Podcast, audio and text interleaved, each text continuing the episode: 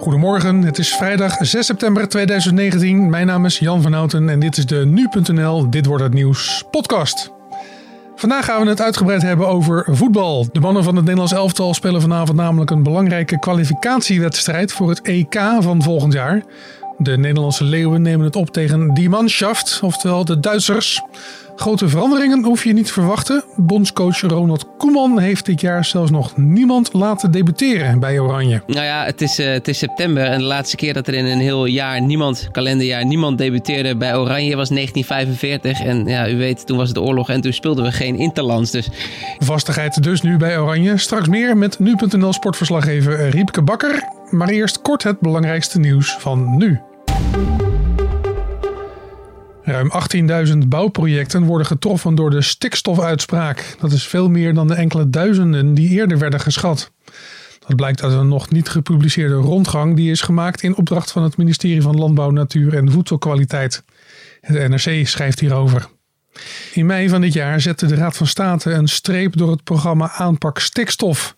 Daarin stond dat overheden konden bouwen zonder dat de schadelijke gevolgen voor de natuur gelijk gecompenseerd hoefden te worden. Deze regeling was in strijd met de Europese wetgeving. Het is de eerste keer dat de omvang van de uitspraak is vastgesteld. In eerdere schattingen was onder andere de woningbouw op lokaal niveau nog niet meegerekend. Bijna 3 miljoen mensen wonen in Nederland op zichzelf. Dat heeft het Centraal Bureau voor de Statistiek berekend op basis van cijfers uit 2018. De 3 miljoen mensen vormen ruim 17% van de bevolking. Het aantal mensen dat alleen woont is toegenomen. Tien jaar geleden woonde nog 15,7% van de bevolking op zichzelf. In alle leeftijdsgroepen wonen meer mensen alleen, behalve in de leeftijdscategorie van 70-plussers. Die mensen verhuizen vaker naar een zorginstelling. Ook leven mensen langer, waardoor partners steeds langer samenwonen. De Nederlandse gebarentaal moet een officieel erkende taal worden. Dat vinden de PvdA, D66 en ChristenUnie die met een initiatiefwetsvoorstel komen. Ongeveer 15.000 dove en slechthorende Nederlanders gebruiken de gebarentaal. Al jaren pleiten belangengroepen voor een officiële erkenning. Als gebarentaal officieel wordt erkend, moet bijvoorbeeld ook de overheid Nederlandse gebarentaal gaan toepassen bij bijvoorbeeld politieke debatten en de troonrede. Belangrijke informatie wordt zo beter toegankelijk voor doven en andere mensen die gebarentaal gebruiken. Twee jaar nadat Sint Maarten werd getroffen door orkaan Irma, heeft het Rode Kruis twee derde van het door Nederland gedoneerde hulpgeld uitgegeven. Toen orkaan Irma begin september 2017 door het Caribisch gebied raasde, kwamen in die regio in totaal 134 mensen om.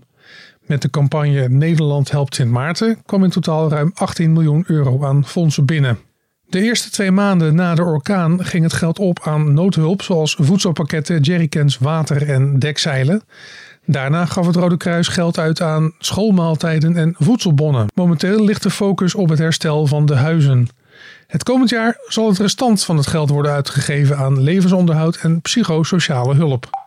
En Nederland stuurt twee marineschepen naar de Bahama's om hulp te verlenen. Dat land is zwaar getroffen door de orkaan Dorian. Zeker 70.000 inwoners van de eilandengroep hebben hulp nodig. Dan gaat het om voedsel, drinkwater en medicijnen. De marine is al met een aantal schepen in de regio voor een noodhulpoefening. De schepen gaan eerst humanitaire goederen op Sint Maarten inladen. Daarna varen ze naar de Bahama's. De humanitaire hulp wordt betaald door het ministerie voor Ontwikkelingssamenwerking. En dan ons gesprek voor deze vrijdag. Vanavond om kwart voor negen wordt er afgetrapt in de Imtech Arena in Hamburg voor de EK-kwalificatiewedstrijd tussen Nederland en Duitsland. In groep C staat Nederland momenteel op de derde plek van de vijf. Belangrijke namen voor het Nederlands elftal zijn Frenkie de Jong, Matthijs de Ligt. Spelers die volgens bondscoach Ronald Koeman nog niet helemaal lekker op gang zijn gekomen bij hun nieuwe clubs. De vraag is, wat betekent dit voor hun rol bij Oranje? En die vraag wordt gesteld door collega Julian Dom aan Riepke Bakker van de sportredactie. Nou, het is bijna, uh, zeker in het geval van Matthijs de Ligt. En als je leest wat er in de Italiaanse media over geschreven wordt, dan is het crisis. Hè? Matthijs de Ligt is nog niet in vorm bij Juventus, is de, de Achilleshiel.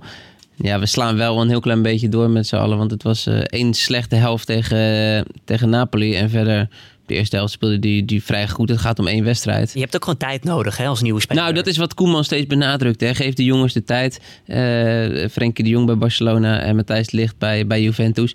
Hij haalt nog even zijn eigen carrière aan. Hè. Ik begon met een 2-0 nederlaag bij Barcelona. En toen schreef, schreef ze in de Spaanse kranten... wat moeten met die gozer? Nou, daarna schoot hij ze naar de Europa Cup 1. Dus uh, het kan, uh, kan goed komen. Als je wil, kan ik de krantenknipsels nog uit de, uit de oude doos halen. Uh, dat ik mijn eerste wedstrijd bij Barcelona speelde.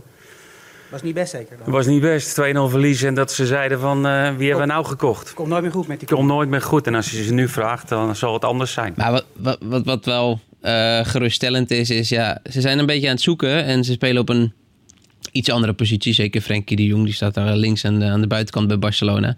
Een heel andere plek dan bij Ajax. En Matthijs Licht, ja, die moet op een andere manier verdedigen dan eerst bij Ajax. En nu bij het Nederlands elftal, wat uh, ja, eigenlijk ook op de manier speelt. Ze kunnen op de manier spelen zoals ze bij Ajax konden spelen het afgelopen, half, of, uh, afgelopen jaren. Vertrouwde plek. Vertrouwde plek. Zelfde manier van spelen. Frenkie de Jong kan weer lekker aan de bal komen, lekker indribbelen. Uh, ja, dus is eigenlijk Oranje, zou je zeggen, een warm bad voor ze. En hoeven ons geen zorgen te maken. En zien we weer de ouderwetse Matthijs en Frenkie tegen, tegen Duitsland. Ondanks hun eigen wedstrijden nu in Spanje en Italië, ze zijn verzekerd van de basisplek. Ja, dat, dat, dat gaf Koeman ook meteen aan. Het, het was natuurlijk een beetje de, op zijn eerste persconferentie van Koeman van ja, de licht. Zit hij niet in een crisis of moet je hem sparen of uit de wind houden? Zei Koeman meteen, ik heb hem gesproken en hij gaat ook spelen. Heb je ook heel die discussie, deed hij slim, heel die discussie over moet Matthijs de Ligt wel spelen, meteen de kop ingedrukt. Matthijs de Ligt gaat spelen en Frenkie de Jong gaat ook spelen. Koeman is sowieso niet iemand die veel van aanpassingen houdt, hè? Nee, nee we hebben voor het eerst in 100 jaar weer een, een vast Nederlands elftal. Ik herinner me de jaren met, met, met Danny Blind. Dan belde iedereen af van je de andere, iedere keer weer in een andere groep. Uh, een soort duiventil was het. Uh, om dat ook maar eens ja, in een statistiekje te duiden. Uh, Koeman haalt eigenlijk niemand nieuw bij de selectie. Speelt altijd in dezelfde opstelling vrijwel. Daardoor heeft er ook helemaal niemand nog gedebuteerd dit jaar bij Oranje. En is dat uniek? Nou ja, het is, uh, het is september en de laatste keer dat er in een heel jaar niemand, kalenderjaar, niemand debuteerde bij Oranje was 1945. En ja, u weet, toen was het oorlog en toen speelden we geen interlands. Dus ja, hij, uh, hij heeft er wat vastigheid ingeslepen. En we hebben ook eindelijk een soort generatie uh, waar je een beetje vertrouwen in mag hebben. Dus is er ook niet zo heel veel reden om uh, te wisselen. Ik kan daar wel van nog verandering in komen. Heeft hij iemand uh, op een lijstje staan die nieuw is? Er is een, Talentjes? Er is een debutant bij, hè? Donjan Mala van PSV. Uh, nou ja, er is voorin sowieso een vacature omdat Steven Bergwijn normaal gesproken basisspeler uh, geblesseerd is. Dus Malen is één van de opties. En het grote voordeel van Malen is dat hij aan de buitenkant kan spelen voorin en in de spits voorin. Dus uh, ja, de kans dat hij debuteert is uh, nou ja, misschien niet tegen Duits, maar dit jaar gaat hij waarschijnlijk nog wel zijn debuut maken. Ja. Die spitspositie, dat is een van de kwaliteiten van Oranje hè, op dit moment. Nou, uh, dit, dit, nou ja, we hebben niet echt een spits. Tenminste, we hebben Bas Dost, maar die heeft bedankt voor Oranje. En we hebben Luc de Jong ja, en Weghorst, dat zijn meer pinchitters. Dus ja, we hebben nu de laatste maanden hebben we met Memphis de Paai in de punt gespeeld een soort ja, een spits die alle kanten op zwerft. Niet echt een, een, een, een targetman. Maar die doet het ja, wel, wel fantastisch in Oranje kun je zeggen. Uh, van de laatste negen doelpunten die uh, Oranje maakte, waren er acht dat of Memphis hem zelf maakte of dat Memphis de assist gaf. Ja, hij, aanvallend is, is Oranje echt uh, heel erg van, van Memphis afhankelijk kun je zeggen. Ja, al, die, al, die, al die achterste linies, daar zie je wel met Wijnaldum en Frenkie de Jong echt toppers. Twee, hè, hetzelfde geldt centraal achterin. Van Dijk de beste van de wereld samen met De Licht. Maar voorin is het allemaal wat dunner bezaaid. En uh, ja, is het uh, een beetje alle ballen op Memphis af en toe. Wel goed op elkaar ingespeeld? Zijn ze goed, is de rest goed op Memphis ingespeeld? Nou ja, het, het liep wel aardig met, met, met Bergwijn. En dan was meestal uh, Babel erbij. Ja, dat is een soort, soort noodoplossing. Op zijn 32 jaar nog teruggekomen bij Oranje. Hij vult dat goed in, maar ja, we hopen eigenlijk... Hè, je ziet de afgelopen jaren hè, we hebben fantastische talenten komen erop. maar het zijn wel vooral uh, middenvelders en, en, en verdedigers. Het is, het is wachten tot er echt een aanvallend talent opkomt. Ja, tenminste, hij komt wel op. Uh, we hebben natuurlijk uh, Kelvin Stenks bij AZ. We hebben Boadu bij AZ. fantastische aanvallende talenten. Jong. Alleen die zijn net in de eredivisie een beetje op stoom aan het komen. Dus eerder die nou ja, echt door zijn gebroken. En misschien de stap gaan maken naar een grotere club dan AZ. Dan ben je 1, 2 jaar verder. En dat zegt Koeman ook. Ik hou ze in de gaten voor de toekomst. Maar nu is het te vroeg.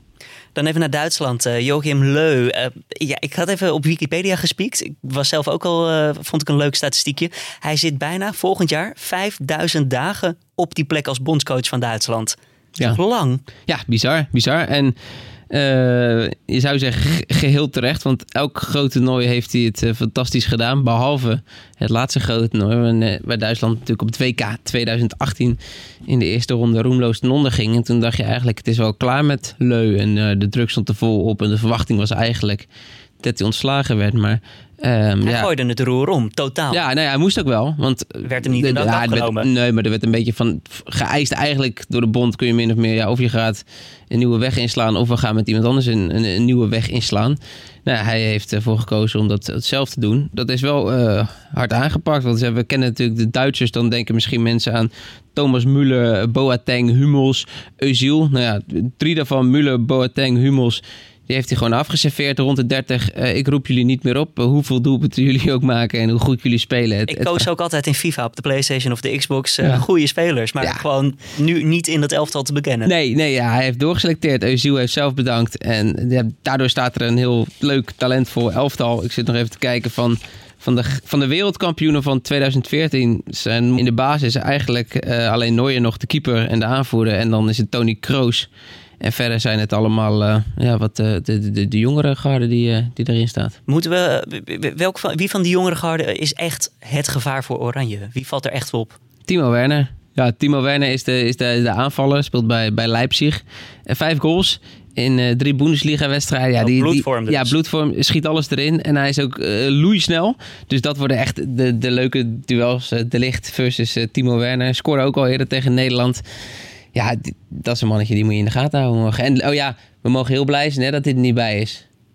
Wie? Nou ja, voor de voetballiefhebber is het vreselijk. Leroy Sané, dat is ja, misschien oh, wel het grootste talent. Het grootste talent ter wereld, de, de, aanvaller van Manchester City. Wat heeft hij? Kruisband, uh, een kruisbandblessure, dus het is ook wel een vrij heftige blessure. Ligt er een half jaar uit.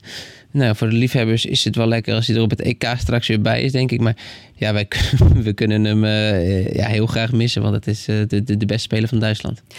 Als wij uiteindelijk, hè, want we staan nu derde in die pool in groep C. Um, Duitsland staat momenteel tweede. En daarboven Noord-Ierland volgens mij.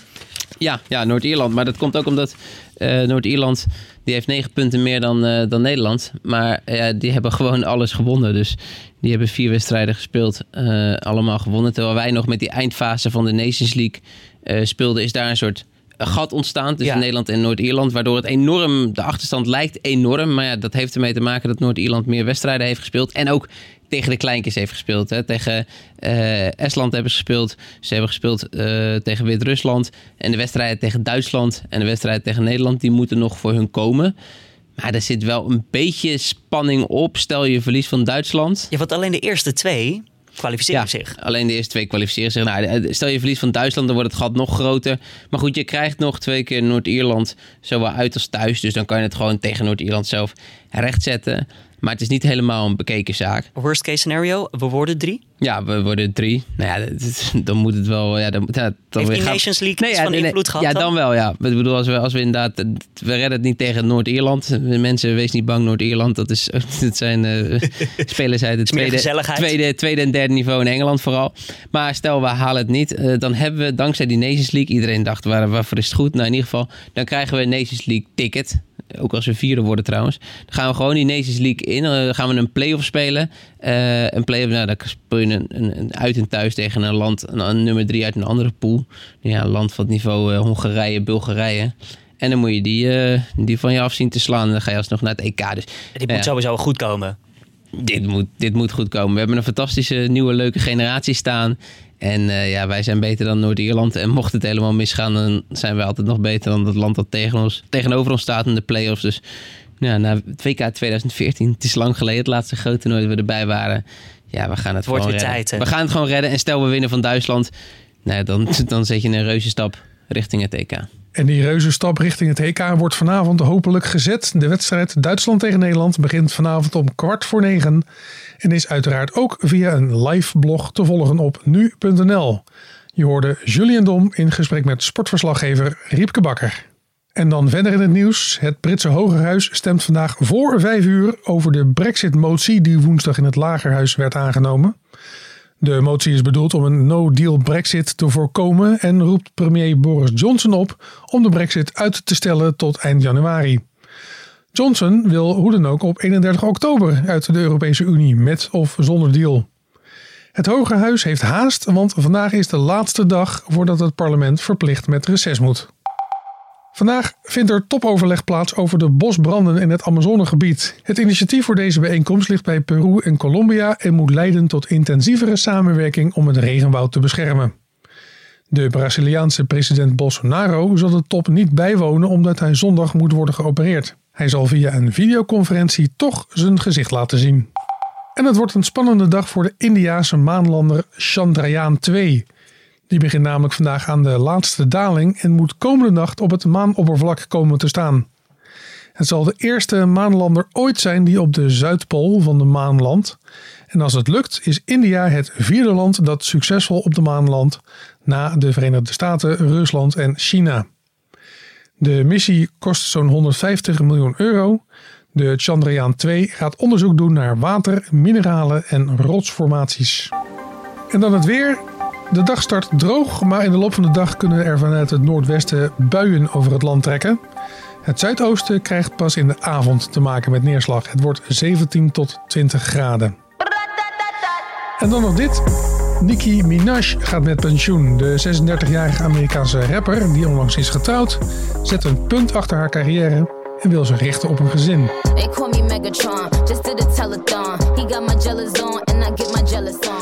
Nicki Minaj begon in 2007 met haar carrière, maakte vele hits en werkte samen met artiesten als Rihanna, David Guetta, Beyoncé, Ariana Grande en Madonna.